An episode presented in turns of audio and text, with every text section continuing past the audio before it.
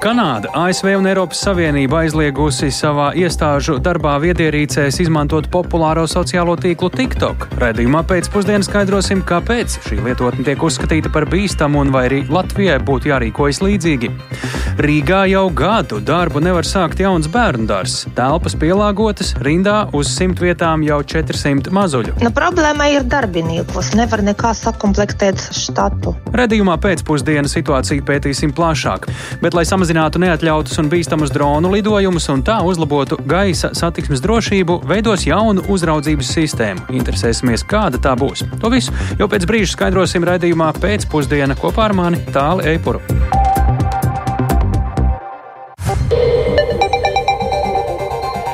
Ir 16,5 minūtes, skan pēcpusdienas ziņu programma, skaidrojot šodien svarīgus notikumus studijā Tāls Eipurs. Krievijas izraisītais karš Ukrainā arī turpmāk pārbaudīs mūsu spēkus un spēju efektīvi darboties sarežģītos apstākļos. Tā norāda Satvērsmes aizsardzības biroja vadītājs Egils Zviedris dienā, kad birojas izplatīs savu pagājušā gada darbības pārskatu. Spēcdienas vērtējumā kara darbība Ukrainā turpināsies vismaz visu šo gadu. Ar biroja pagājušā gada darbības pārskatu un secinājumiem iepazinusies kolēģi Linda Spundiņa. Linda, kādus virzienus sab pārskatā akcentē? Tas ir visnotaļ plašs. Jā, tieši tā. Nu, protams, Krievijas sāktais karš Ukrainā un tās darbības ir sab pārskata fokusā. Pārskatā satversmes aizsardzības birojas norāda, ka Krievijas interesēs ir veicināt iekšējo spriedzi rietumvalstīs, veicināt sabiedrības neapmierinātību ar to valdību darbu vai ekonomisko situāciju, pieļaujot, ka iekšpolitikas problēmas pašu mājās varētu samazināt ats, atsevišķu Eiropas valstu politisko fokusu uz Krievijas īstenoto karu Ukrainā. Krievija aktīvi izvērš informatīvās ietekmes operācijas, Latvija kā Krievijas kaimiņu valsti tas skar īpaši spēcīgi, atzīmēs sabdirektors Egils. Zviedris. Biroja informācija liecina, ka Vladimira Putina režīma skatījumā starp Krieviju un Rietumiem ir iestājies jauns augstais karš. Krievija nolēmusi pilnībā novērsties no rietumiem un tā vietā koncentrēties uz Āzijas, Āfrikas un Latvijas valstīm, eksploatēt šajos reģionos pastāvošos pretriet, pretrietumnieciskos noskaņojumus, lai veidotu kopīgas pret rietumiem vērstas koalīcijas. Nepieciešamības gadījumā Krievijai ir visi rīki, lai piespiestu Baltkrievijas bruņotos spēkus iesaistīties karā, neskatoties uz iespējamām iekšpolitiskajām sekām Baltkrievijai. Krievija Baltkrievijā ir nostiprinājusi ilgtermiņa ietekmi un klātbūtni, un sabvērtējumā Latvijai un citām NATO un Eiropas Savienības dalību valstīm apdraudējums no Baltkrievijas teritorijas turpināsies pieaugt. Nu jā, šobrīd kādus atvērsmes aizsardzības birojas tad nevis tā kā konstatējis, kur mēs esam, bet jau tālāk uz priekšu paredz Krievijas nākotni? Sab norāda, ka Putina un viņam pietuvināto elites locekļu rīcība ir racionāla. Iekšpolitiski vismaz šobrīd Putina režīms pat ir spēcīgāks nekā jebkad iepriekš. Režīms nodrošinājis gandrīz pilnīgu kontroli pār Krievijas informatīvo telpu. Politiskā opozīcija ir iznīcināta. Sagaidāms, ka lejupslīde Krievijas ekonomikā turpināsies aptuveni pusgadu, kam sakos ilgstoša stagnācija, pakāpeniska degradācija un atkarības pieaugums no Āzijas valstīm, īpaši Ķīnas. Taču Vad, uh, Vladimira Putina režīms ir gatavs ciest ekonomiskus zaudējumus ģeopolitisko mērķu vārdā. Savvērtējumā ir augsta iespējamība, ka Krievija var pieņemt lēmumus pilnībā apturēt jebkādus energoresursu piegādes Eiropas valstīm, lai tās sodītu par atbalstu Ukrainai. Satvērsmes aizsardzības biroja vadītājs Egils Zviedrs man sacīja, ka birojas neredz pietiekami ātras izmaiņas militārā konflikta risināšanā. Šis gads varētu aizritēt aktīvākās vai mazāk aktīvākās kara darbībās. Un, uh, tiek paredzēts, ka Putins iespējams īstenos jaunu karavīru mobilizāciju, tomēr neskatoties uz kara radītiem izaicinājumiem, Putina režīms ir stabils un tā pastāvēšana vismaz tuvā termiņā nav apdraudēta. Tas par Krieviju, kāda tā ir bijusi līdz šim un kā, ko mēs varam sagaidīt uz priekšu, bet sabi ir Latvijas iestāde un kā tad Krievijas darbības ir apdraudējušas, un varbūt arī uz priekšu ir kāda prognoze tieši Latvijas drošību. Jā, jāteic, ka šeit noteikti ir jāmin Krievijas vērstais hibrīdkarš pret Latviju, un pērn pret Latviju bija vērsts rekorda augsts kiberuzbrukumu skaits. Visintensīvākās valsts vēsturē pat šie kiberuzbrukumi ir bijuši. CERTLV reģistrēto un apstrādāto incidentu skaits pieaudzis pat par 40%, un valsts pārvaldes sektorā reģistrēto un apstrādāto incidentu skaits pret IT sistēmām pat ir septiņas reizes pieaudzis, bet kopējais uzbrukuma apjoms četrkāršojies. Tomēr par Krievijas mēģinājumiem ietekmēt Latvijas iekšpolitisko situāciju sabdirektors Egīls Zviedris saka, mēs esam pārvērtējuši Krievijas spējas hibrīda apdraudējumā. Nu, kā viens no piemēriem, ko es varu minēt, attiecīgi ir eh, pagājušā gadā notikušās saimnes vēlēšanas, kur attiecīgi tā mēs redzējām, nu, ka Krievija nemēģināja kaut kādā veidā realizēt kādu plānotu politiku attiecīgi šo saimnes rezultātu ietekmēšanai. Drīzāk mēs redzējām pietiekami skaidru pierādījumu tam, ka Krievija reaģēja uz kādiem notikumiem, mēģinot komentēt vai traktēt sevi izdevīgā gaismā. Tas, ko mēs varbūt arī redzam, ka arī tas nenes pietiekamu nu, efektu, ir Krievijas vēstniecības aktivitātes sociālajos tīklos Latvijā, kur nu, balansējot uz šīs robežas eh, par, par, par iejaukšanos, teiksim, tā mūsu valsts iekšējās lietās, tiek um, kaut kādā veidā apkopoti un pārpublicēti materiāli, nu, kas skar kādas Latvijas iekšējās problēmas vai kaut kādā veidā nievājoši izsakoties par Latviju. Jā, tā, tā Egīls Zviedris sacīja nu, pat Latvijas radio intervijā. Un uh, viņš arī piebilda, ka uh, vēstniecība ir pasniegusi šo informāciju kā trešās puses viedokli, nevis kā Krievijas vēstniecības oficiālo viedokli. Sab novēroja, ka Krievijas propagandas mēdīju raksturu saturs priekšvēlēšanu laikā būtiski neatšķīrās no citiem periodiem. Kremļa paustie vēstījumi turpināja veidot negatīvu Latvijas tēlu, nevis izraidīja īpašu, izrādīja īpašu atbalstu kādai konkrētai partijai. Proklem, prokremlisko mēdīju mērķa auditorija sociālajos tīklos bija Latvijas krievalodīgie iedzīvotāji un laika periodā pirms saimnes vēlēšanām šie mēdīji fokusējās uz vēstījumiem par krievu valodīgo diskrimināciju. Paldies, Linda! Tik tālu par to, ko SAB ir secinājis par situāciju Latvijā un ap to, bet kā pats SAB ir strādājis šī gada laikā, Saimnes Nacionālās drošības komisijas sekretārs Ainars Latkovskis no Jaunās vienotības pie mūsu klausos. Labdien! Labdien! Jau kopš pagājušā gada janvāra amatā uh, ir šī brīža saba vadītājs Egils Zviedris. Uh, ļoti saspringtā laikā, tieši mēnesi pirms Krievijas plašā iebrukuma Ukrainā, viņš stājās pie pienākumu pildīšanas. Kādi īsumā, jūsuprāt, ir bijuši nu, kaut vai pāris galvenie biroja uzdevumi, tad droši vien ir daudz vairāk, bet uh, varbūt tiešām īsumā šādā laikā, un kā ar tiem ir tiks galā?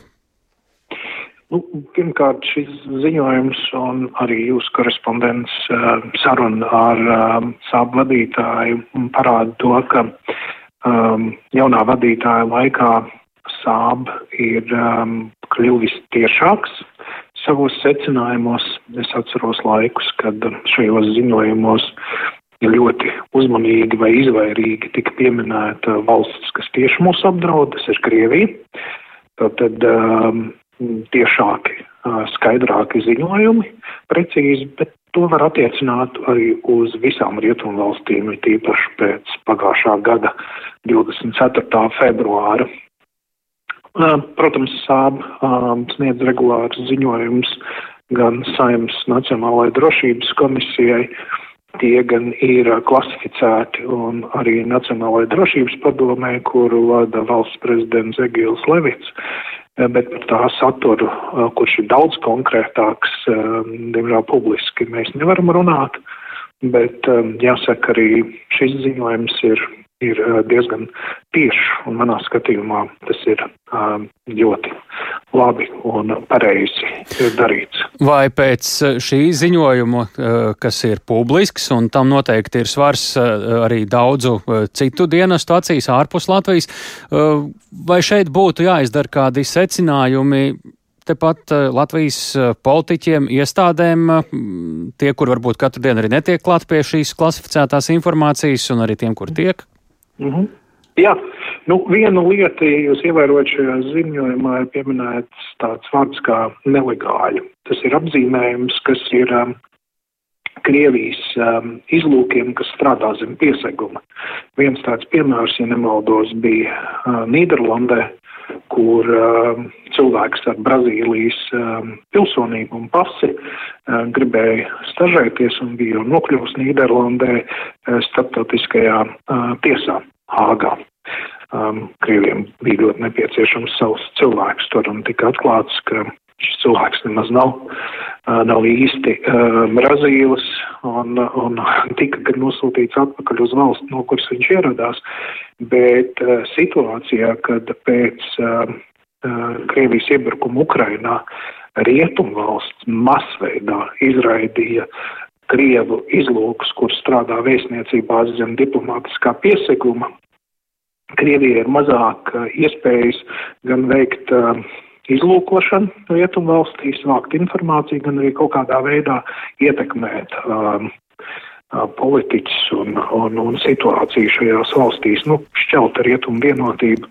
Līdz ar to tiks izmantoti nu, tā saucamie turisti, nelegāļi, kas ieradīsies vienkārši kā turisti vai, vai, -hmm. vai cilvēki, kas pieteiksies darbā, jā, teiksim, IT kompānijās vai jā. kā savādāk. Līdz ar to ir. Jā, nu tā ir tā viena lieta, kas Piemērs, jā, tieši tā. Mums, jā. Lai klausītāji, kuri ir nodokļu maksātāji, vēlētāji saprastu, ko jūs redzat, kuram ir arī pieeja vairāk šai klasificētai informācijai, kurš vienkārši ikdienā klausās šajās sab atskaitēs. Nu, kā tad ir vērtējams tas darbs kaut vai šī pēdējā gada laikā? Ko jūs teikt klausītājiem? Ka, ka, es uzskatu, ka ļoti labi vismaz tā informācija, kas tiek sniegta valsts augstākām amatpersonām un Nacionālajai drošības komisijai, kas veic šo parlamentāro uzraudzību, ir ļoti profesionāla, adekvāta un skaidra, un viņu darbības arī ir bijušas skaidrs. Kaut gan, protams, jāsaprot, ka, nu, šajā pieminekļu sāgā lielāko smagumu iznesa valsts drošības dienests, tomēr arī sābam ir sava loma informācijas vākšanā par šo. Tas, ka mums nebija šo incidentu, ja atskaitam pēc 9. māja e, situācija Rīgā pie, pie tā saucamā okupekļa, bet vēlāk ar šo te padomju simbolu nojaukšanu tā situācija tika kontrolēta. Līdz ar to, kā jau teicu, es uzskatu, ka šis darbs ir ļoti labs. Un Nu, vismaz devītnieks desmit, desmit balvu sistēmā. Pat tā, tik grūtā laikā. Lielas paldies par sarunu. Saimnes Nacionālās drošības komisijas sekretārs Ainars Latkovskis no Jaunās vienotības bija pie mūsu mikrofona. Šodien uh, Saimnes deputāts, starp citu, ar savu gada ziņojumu iepazīstināja cita iestāde, ka no, korupcijas novēršanas un apkarošanas birojas rīt Latvijas radio raidījumā labrīt plašāk saruna ar knapu priekšnieku Jākabu Straumi. Bet tagad par kādu ļoti konkrētu un specifisku drošības izaicinājumu visā pasaulē un tā skaitā Latvijā. Kanāda, sakojot ASV un Eiropas Savienības eh, institūciju neseniem piemēriem, ir aizliegusi valdības iestāžu darbiniekiem savās darba viedierīcēs izmantot populāro sociālo tīklu TikTok, bažās par datu drošību. Rietumvalstīs arvien vairāk pieaug aizdomas par to, ka Ķīnas valdība varētu izmantot TikTok savu interešu īstenošanai. Vairāk stāsta Uldis Čēzbergs. Kanādas valdība paziņoja, ka šodien no visām federālo iestāžu izsniegtajām mobilajām viedierīcēm izdzēsīs īso video ziņojumu apmaiņas vietni TikTok. Šāds lēmums pieņemts balstoties uz atbildīgo iestāžu ziņojumu, kurā teikts, ka Ķīnas uzņēmumam piedarošā lietotne rada milzīgu risku privātumam un datu drošībai. Dokumentā arī norādīts, ka TikTok datu vākšanas metodes nodrošina plašu pieeju viedierīču saturam, taču nav gūti pierādījumi, ka būtu apdraudēta valdības informācija. Kanādas premjerministrs Justins Trudeau sacīja, ka valdība ir spērusi ļoti nepieciešamu soli. Uh, Mēs ļoti nopietni attiecamies pret vārda brīvību un Kanādas iedzīvotāju brīvību tiešsaistē iesaistīties tā, kā viņi vēlas. Taču mums arī ļoti svarīgi principi saistībā ar datu aizsardzību, kurus mēs vienmēr aizstāvēsim. Līdzīgi kā daudzas citas pasaules valstis, arī mēs rūpīgi domājam par to, kā nodrošināt, lai kanādieši būtu pasargāti tiešsaistē. Tāpēc mēs uzskatām, ka ir labāk, ja valdības viedierīcēm nav pieeja TikTok, jo ir bažas par drošību.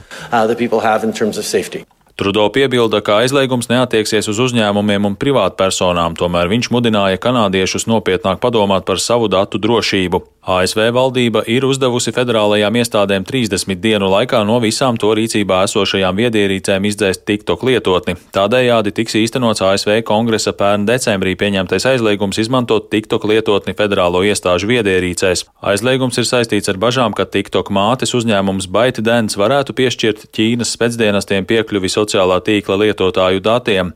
Vairāki kongresa locekļi vēlas panākt pilnīgu TikTok aizliegumu ASV, kur sociālo tīklu lieto aptuveni aptuveni 60 miljoni cilvēku. Arī Eiropas komisija šomēnes aizliedza TikTok lietotnes izmantošanu saviem darbiniekiem piešķirtajās viedierīcēs bažās par datu aizsardzību. Uldis Česberis, Latvijas radio. Bet vai nu kāpēc arī pie mums Latvijā būtu jāpievērš, vai varbūt tiek pievērstu īpašu uzmanību šai Ķīnas, ar Ķīnu saistītajai lietotnei TikTok aizsardzības ministrijas pakļautībā darbojas Informācijas tehnoloģija drošības incidentu novēršanas institūcija, jeb CERTLV, un tās kiberdrošības eksperts Gins Malkalnietis šobrīd ir pie mūsu klausos. Labdien! Labdien!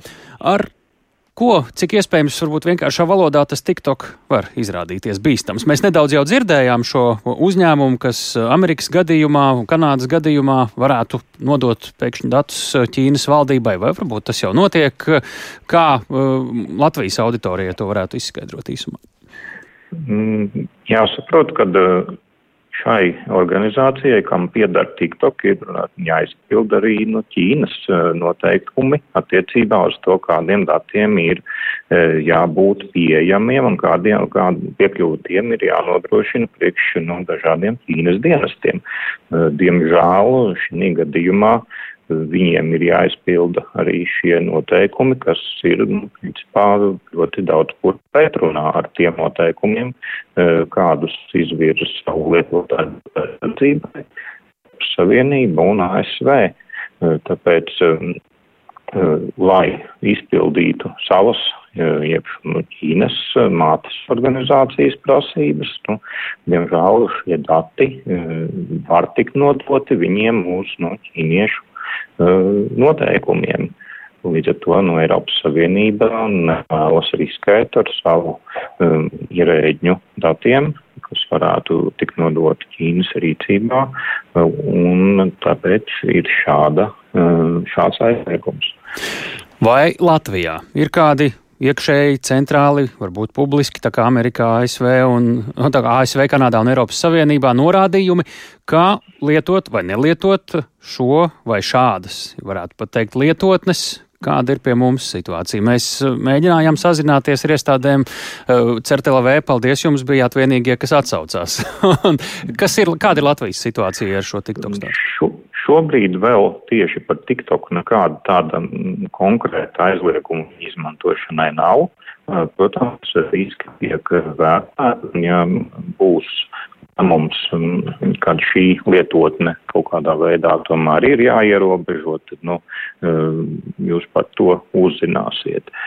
Bet, ja mēs runājam par dažādu lietotāju datu glabāšanu, tad jau šobrīd ir spēkā attiecīgi ministra kabineta noteikumi, kas nosaka tās vietas, kurās drīkst uzglabāt arī digitāli Eh, dažādus eh, svarīgus datus, un eh, noteiktiem datiem tas ierobežojums attiecas uz Eiropas Savienību un NATO dalību valstu datu centriem, ja, kad mm. mēs nevaram izvēlēties noteiktu informāciju, izvēlēties Jā. glabāt, teiksim, turpat Ķīnu.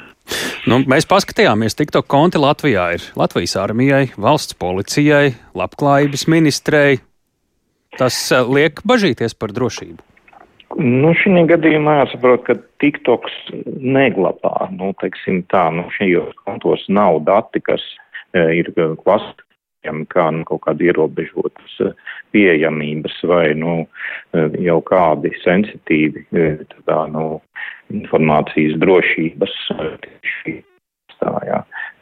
Ir runa pār datiem, kas ir publiski un kas šeit nonāk jau tieši kā publiska informācija. Protams, ka nu, iekārtas, uz kurām uh, ir šis TikToks, kas šos datus publicē, jā, viņas ir apsakojamas, nu, tieši tāpat kā jebkura cita e, internetā izvietojamā iekārta. -hmm. Un darbinieki, kas ar viņām strādā, nu, viņu kontiem protams, šī platformas uzturētāji var sekot līdzi. Nu, tieši tik vienkārši. Jā. Uh, tik tālu liels paldies! Mēs to sakām Gintam Kalnietim, CERTLV kiberdrošības ekspertam un ejam tālāk Latvijas radio viens redzīmā pēcpusdiena. Kāpēc Rīgā jau gadu darbu nevar sākt jauns bērnu dārs, telpas pielāgotas, rindā uz simt vietām gaida 400 mazuļi, un Latvijā taps jauna dronu lidojuma pārvaldības un uzraudzības sistēma. Šie un citi temati būs daļa no mūsu satura turpmāk redzījuma pēcpusdienu minūtēs.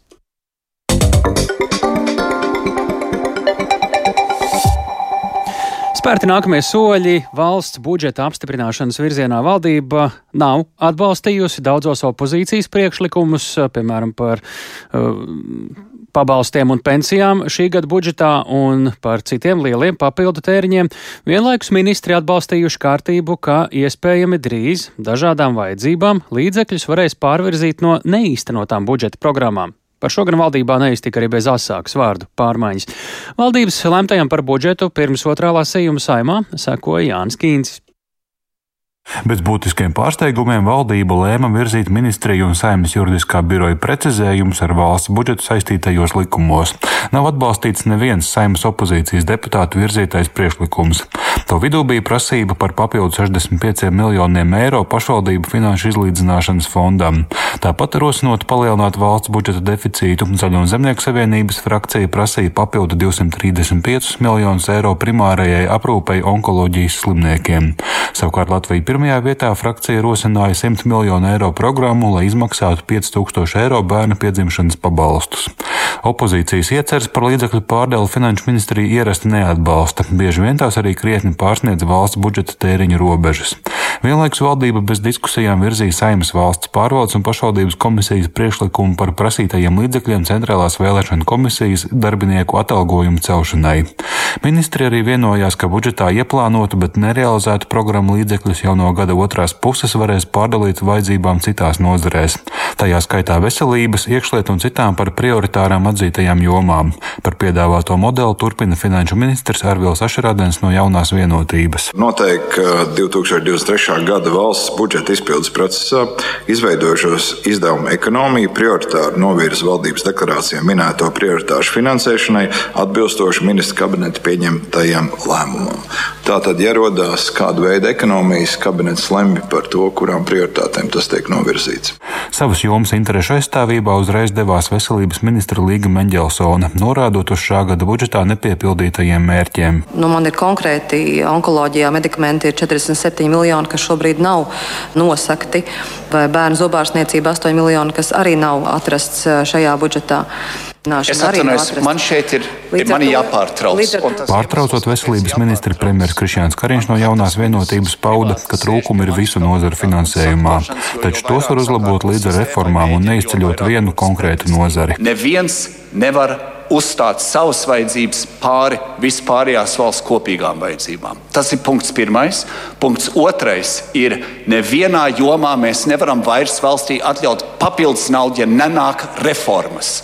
Un, ja kāds ministrs nav gatavs veikt reformas, tad es aicinu pēc šīs sēdes paziņot man, atbrīvot vietu, atradīsim kādu, kurš ir. Es neesmu mieru mūsu nodokļu maksātājiem teikt, ka viss, ko mēs kā politiķi spējam darīt, ir īdēt, es atvainojos, īdēt pēc papildus naudām. Sarunas turpinājumā premjerministrs atvainojās par savu emocionalitāti. Savukārt zemkopības ministrs Digis Šmits no apvienotā saraksta atgādināja, ka ar diskusijām valdībā budžets vēl nav pieņemts un saimā šo procesu var skart dažādi sarežģījumi. Saimas budžeta komisija priekšlikumus caurskatīs trešdien un ceturtdien, bet saimas sēdē galīgajā lasījumā par budžetu paredzēts spriest 8. martā. Jānis Kincis, Latvijas radio. Tik tālu par valsts budžetu, bet vai dažu pašvaldību budžetos nav jāsāk daudz nopietnāk domāt par naudu bērnu dārziem? Pirms gada Rīgas dome ar prieku ziņoja, ka pašvaldībai piedarošajās ēkās Slāvu ielā 19 un Rūpniecības ielā 21 ir pabeigti pārbūves darbi divu jaunu bērnu dārzu ierīkošanai. Bija plānots, ka abas izglītības iestādes darbu sāks septembrī, un tajās kopā būs vietas 300 līdz 340 audzēkņiem. Kāds ir rezultāts? Ekonomiski saspringtajā laikā, kad bērnu iekļūšana pašvaldības bērnu dārzā ir daudzu vecāku sapnis, bērnu dārzs Ozoliņš tā arī nav sācis strādāt ar pilnu jaudu, bet dzīpariņš vispār nav vēris durvis. Vairāk par situāciju klausieties Ievas Puķas sižetā.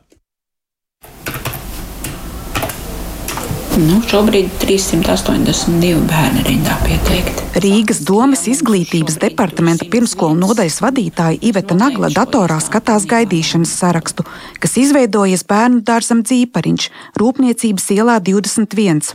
Vienā no diviem jaunajiem pašvaldības bērnu dārziem, par kuriem pagājušajā gada 17. februārī Rīgas mērs Mārtiņš Staķis pauda gandarījumu īpaši sasauktā preses konferencē. Otrs ozoliņš durvis vēršot slāvu ielā 19. Netika slēptas arī izmaksas. Ozoliņam vairāk nekā 2 miljoni eiro, bet zīpariņam vairāk nekā miljons eiro bez PVN. Diemžēl gadu pēc šī skaistā notikuma bērnu dārsts Cīpariņš, ko iekārtoja bijušajās Ziemeļu rajona izpildu direkcijas telpās, tā arī stāv tukšs un kluss. Vadītājas pienākumu izpildītāja Brigita Makijevska, ko izdodas sazvanīt, apstiprina. Bērnu dārzs ir ciet, jo tā arī nav izdevies piesaistīt tam vajadzīgos desmit pedagogus. Nu, problēma ir darbiniekos. Nevar nekā sakomplektēt uh, štatu. Nu, skolotāja alga šodien ir 1081 eiro par slodzi. Jā, tas atklāta informācija, visos sludinājumus tas ir rakstīts. Pedagogi neviens. Neviens, nē, pagaidām neviens, nē. Es nevaru pateikt, kāpēc, jo CV tātad sludinājumi visu laiku likti un skolotājs pieteicās un kaut kā līdz intervijai nenonāk. Kāds iemesls es nevaru jums atbildēt. Makijevskas pamatdarbs ir otrā jaunajā bērnu dārzā. Ozoliņā, Slāvielā, kur viņa uzvarējusi konkursā uz vadītājas vietu. Dzīpariņam nesot izdevies atrast arī vadītāju.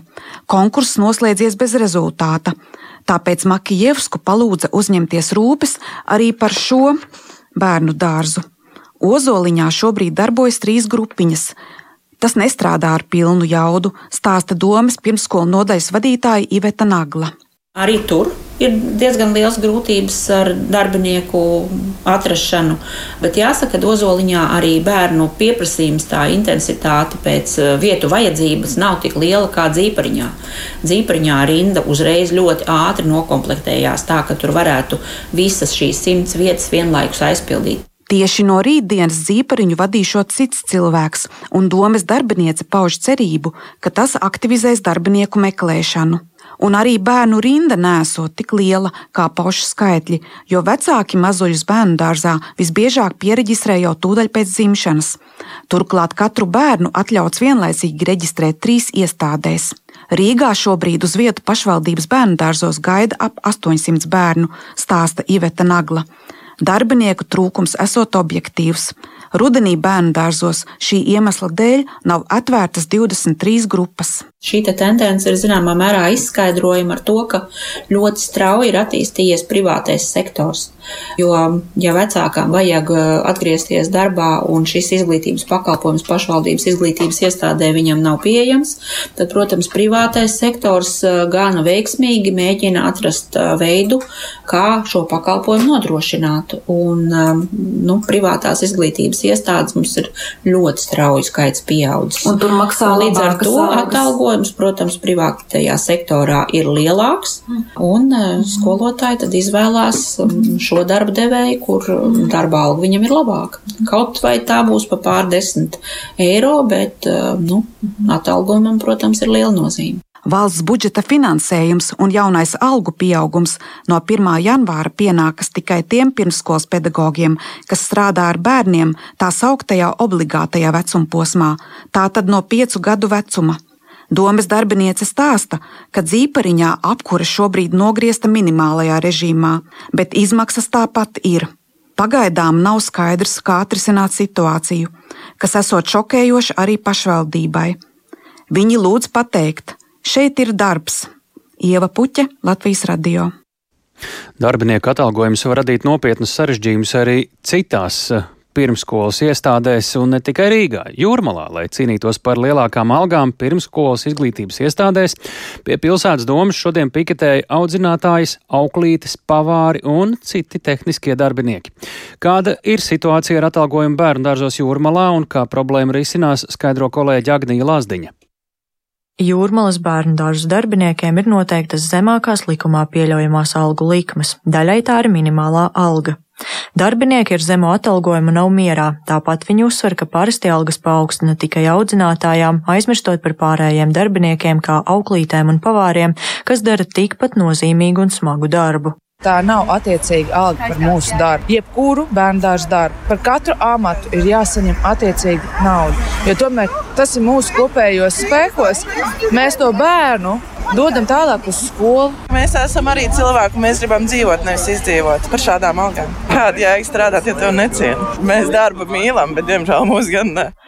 No zemā darbinieku atalgojuma cieši arī ģimenes, jo bērnu dārzi nespēja izveidot grupas un trūkst arī bērnu vietu. Jūrmala, lai gan ir bagātākā pilsēta, viena no bagātākajām Latvijām, tai pašā laikā mēs nevaram atļauties vai negribam atļauties samaksāt pienācīgas algas bērnu dārza speciālistiem. Tā izsakās Jūrmalas domas deputāts Rolands Parasiks Parasiņš no Nacionālās apvienības, kura partija Jūrmalas domē atrodas opozīcijā.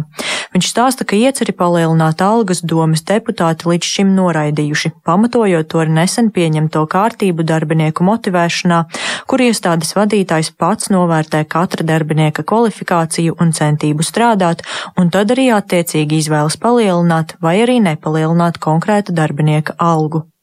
Lai gan piketētāji pieprasīja domai paaugstināt algas vismaz par 21%, tomēr šodienas sēdē deputāti lēma palikt jau pie esošās kārtības. Turpina Jūrmalas domas priekšsēdētāja Rita Sproģe iestāžu vadītāji izvērtē savus darbiniekus, darba apjomu, kas viņiem ir jāveic, vai varbūt ir kādas amatvienības, kuras viņu ieskatā ir daudz vai otrādā par maz. Viņi vērtē un skatās, tātad cik viņi šajā amata saimē, kādā amata grupā var noteikt savam darbiniekam atalgojumu pēc amata aprakstiem un darāmajiem darbiem. Attiecīgi pēc tā, kā valsts ir noteikusi.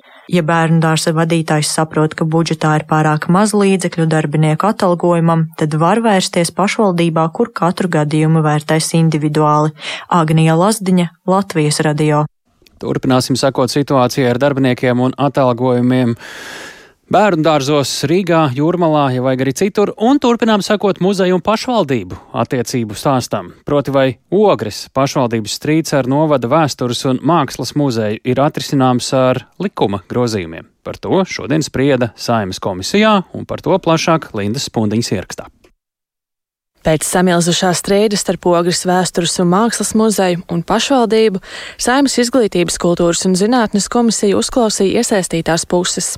Nesaprašanās salīdzināma ģimenes strīdam, secina deputāti. Katra no iesaistītajām pusēm radušos konfliktus skaidro citādāk. Jāatgādina, ka muzejs iebilda Ogres mēra Egīla Helmaņa no Nacionālās apvienības rosinātajai sankcijām pakļautā Pjotra Avena porcelāna kolekcijas izstādē. Muzejs izstādi neatklāja. Pēc šī soļa, kā norādīja muzeja darbinieki, sākušās pašvaldības sankcijas pret iestādi. Tikmēr pašvaldības vadītājs Helmanis skaidro, ka muzejs izplatīs sociālajos tīklos nepatiesu informāciju. Un tad, kad muzejs sāk izplatīt nepatiesu informāciju, mēs lūdzām šo informāciju saskaņot ar pašvaldību, lai iedzīvotāji un cilvēki informāciju saņemtu patiesu. Savukārt muzeja pārstāve Inga Zvirbola saka, ka mēs muzejs jūtamies, mums ir jādzied, bet mums ir aizžamīgs rīkos, mēs vispār neko nedrīkstam. Mēs nevaram padziedāt. Mēģinām tad varbūt uh, savā sāpēs dot mums kaut kādu dzirdējumu, kā šo te risināt. Sacīja komisijas vadītāja Agita Zariņa Stūra no jaunās vienotības. Viņa rosinājusi šo problēmu raudzīties plašāk, zinot, ka līdzīgi konflikti starp mākslu un pašvaldību ir notikuši citās pašvaldībās. Deputāti domāja, vai ar likuma grozījumiem problēmu var risināt. Ogres vēstures un mākslas muzeja direktora Evijas Smiltniece piedāvāja trīs risinājumus. Pirmā, kas būtu jārisina savlaicīga muzeja plāna saskaņošana. Tātad, lai nenotiek tā, ka iesniegts ir ļoti savlaicīgi un jautājumi rodās tikai īsi pirms budžeta apstiprināšanas. Plānu saskaņošana plašākā lokā, nevis vienpersoniski vai divpersoniski, bet iesaistoties muzejam un ņemot vērā muzeja argumentāciju. Un trešais - robeža noteikšana pašvaldības iespējai iejaukties noteikt muzeja satirisko darbu. Situāciju mēģināja risināt jau piekdien muzeja padomas ārkārtas sēdē. Kultūras ministrijas parlamentārais sekretārs Ritvars Jansons no Nacionālās apvienības izklāsta iespējamās izmaiņas. Arī muzeja likumā būtu jānosaka muzeja neatkarības tiesības attiecībā uz krājumu politiku un aizliegumu ierobežot ar politiskiem, ideoloģiskiem vai reliģiskiem motīviem. Būtu jāpapildina jau esošās muzeja padomas kompetences, paredzēt šajā padomē iespējas abām pusēm, arī muzeja direktoriem, strīdus situācijās lūgt muzeja padomas atzinumu. Un trešais tāds moments, kas varētu būt paredzēt, ka gadījumos, ja muzeja direktora atbrīvošana nenotiek apusēji vienojoties vai pēc muzeja vadītāja brīvas gribas, attiecīgā pašvaldība konsultējas ar muzeja padomu. Tika panākta vienošanās, ka kultūras ministrija sadarbībā ar muzeja padomu un nozars ekspertiem cik vien ātri iespējams sagatavos un iesniegs grozījumus muzeja likumām, ko virzīs tālākai izskatīšanai un apstiprināšanai saimā. Izmaiņas likumā stiprinātu muzeju autonomiju. Linda Spundiņa, Latvijas radio. Latvijā sākta drona pārvaldības un uzraudzības sistēmas izveide, lai uzlabotu gaisa satiksmes drošību, tā izskaitā arī mazinātu neautorizētus un bīstamus dronu lidojumus lidlauku tuvumā un arī palielinātu saskaņotu lidojumu skaitu. Tajā arī varēs reģistrēties tālvadības pilotu pārbaužu veikšanai un veikt citas darbības. Un, lai izstāstītu vairāk, pie mūsu klausulas ir valsts aģentūras, civilās aviācijas aģentūras projekta vadītāja Iveta Kancēna. Labdien! Sveicināti! Nu, sākumā, lai uh, saprastu, kam un kāda informācija par droniem vispār ir svarīga un uh, kādi tie pārvaldības un uzraudzības rīki jau šobrīd to Latvijā kārto. Jā, ir tā, ka uh, kopumā par visu bezpilota gaisa kuģu operāciju pāraudzību arī certifikātu izsniegšanu un tālvadības pilotu apmācību atbildīga mums ir civilās aviācijas aģentūra, ko pārstāvēs. Bet ir vēl daudzas arī citas iestādes, kuras ņem dalību šajā gaisa satiksmes jomā. Tā ir valsts policija, pašvaldības policija, valsts robežsardze, krasta apsardze un citas. Un tas nozīmē, ka tajā, šajā gaisa telpas uzraudzībā ir iesaistītas dažādas puses gan no civilās, gan no militārās, gan no administratīvās, un visām ir jādala šī atbildība. Uh, un tāpēc ir uh, šobrīd izvērsts un attīstīts tāds projekts, kad valsts mērogā mēs veidojam digitālu vidi šo te drona operācijas nodrošināšanas vajadzībām. Tas nozīmē, ka uh, dronu pilota, pilotam ir jāizveido draudzīga sistēma, kur visi ar nozari nu, saistītie pakalpojumi, kā piemēram jūs arī minējāt, dronu pilota apmācības, lidojumu saskaņošana, lidojumu pieteikšana, arī geogrāfisko zonu izveida būtu atrodami vienkopus vienā digitālā un draudzīgā platformā. Savukārt tai otrai pusē, kas ir valsts iestādes, viņām atkal ir ikdienā uh, ir jāpārada un jākontrolē šo, šeit dronu lidojumu, un tā ir arī tāda savstarpējā informācijas apmaiņas platforma. Kas tad bija tie sarežģījumi, kuru dēļ šāda iniciatīva tagad ir sākta, jo, nu, es jūs raksturojāt to, cik daudz iesaistīto ir, kādi sarežģījumi tādēļ radās un ko šī jaunā sistēma varētu, kā kāds ir mērķis, ko lai tā maina un uzlabot? Jā, jāteic, ka līdz šim tiešām šīs iestādes darbojās. Varbūt varētu teikt tā mazliet sadrumstaloti, bet tā kā mēs esam galvenie par šo dronu operācijām uh, valstī, tad bija jāveido tāda savstarpējā nu, sadarbība, sinerģija, lai panāktu to, ka tiek vienoti ievēroti viena gan normatīvi noteikumi, lai būtu skaidri spēles noteikumi dronu jomā, uh, gan pašiem izmantotājiem, dronu pilotiem, savukārt valsts iestādēm, lai viņas ātrāk, ātrāk, ērtāk varētu veikt šos bezpilota gaisa kuģu uzraudzību. Tad klibās, zinām, klibās vietas bija ātrums un kas vēl? Ātrums, operativitāte, modernizācija, jo šī jaunā sistēma, protams, būs uh, digitālā veidā pieejama. Tas būs uh, IT sistēmas mm -hmm. rīks, kur attiecīgi tad no mūsu puses uh, būs uzlaboti šie CA pakalpojumi, kas ir šī te uh, ātrā, nu, uh, pirmkārtām apmācība kursi un arī, protams, arī šo lidojumu saskaņošanu, kur jau ir iesaistītas uh, citas institūcijas, arī mūsu sadarbības partneri, un to visu nepieciešams ātri, ērti izdarīt, uh, arī izmantojot šobrīd modernās tehnoloģijas. Kā to jutīs dronu lietotāji, piloti, uzņēmumi, droši vien arī iestādes? Ko tas mainīs no tās lietotāja puses? Tas nozīmē, ka šobrīd pieaugošā dronu joma ka kļūst par arvien jaudīgāku, dinamiskāku aviācijas uh, atzeru, jo uh, mēs zinām, ka šobrīd ne tikai biznesā, hobijos, bet arī tautsēmniecībā izmanto arvien vairāk dronus, un tas sagādās ērtāk šo te uh, savstarpējo saskaņošanu, kur iespējams līdz šim vajadzēja pat dienas, piemēram, lielajiem uzņēmumiem. Tas viss notiks ātri, ērti un operatīvi. Vai es varēšu arī internetā redzēt tā kā Latvijas karti, kur kāds drons lido, vai tas nav tas? Nē, gluži tas, tas nav, jo savukārt dronu lidojumus mēs redzam un situāciju monitārējam nedaudz citādākā veidā, kas arī ir paveikts šī projekta ietvaros. Mm -hmm. Un uh, tas, ka nekoordinēšanas dēļ var rasties arī bīstamas situācijas, tas, protams, arī ir pietiekami skaidrs, un tādas ir bijušas uh, ne tikai ārzemēs, bet uh, riski ir bijuši arī Latvijā. Mums laiks beidzies, sakām lielu paldies, sakosim līdzi, kā šī sistēma darbosies, pavisam īsi, kad tai būtu jābūt gatavai divos vārdos. Tā ir jābūt gatavai uz 2023. gada 31. decembri. Paldies par šī gada beigām. Labi, visu labu. Iveta Kancēna no Civilās aviācijas aģentūras bija mūsu sarunbiedrene. Šis bija raidījums pēcpusdienā. Mēs, protams, ka tiekamies arī rīt vai arī Latvijas radio mobilajā lietotnē.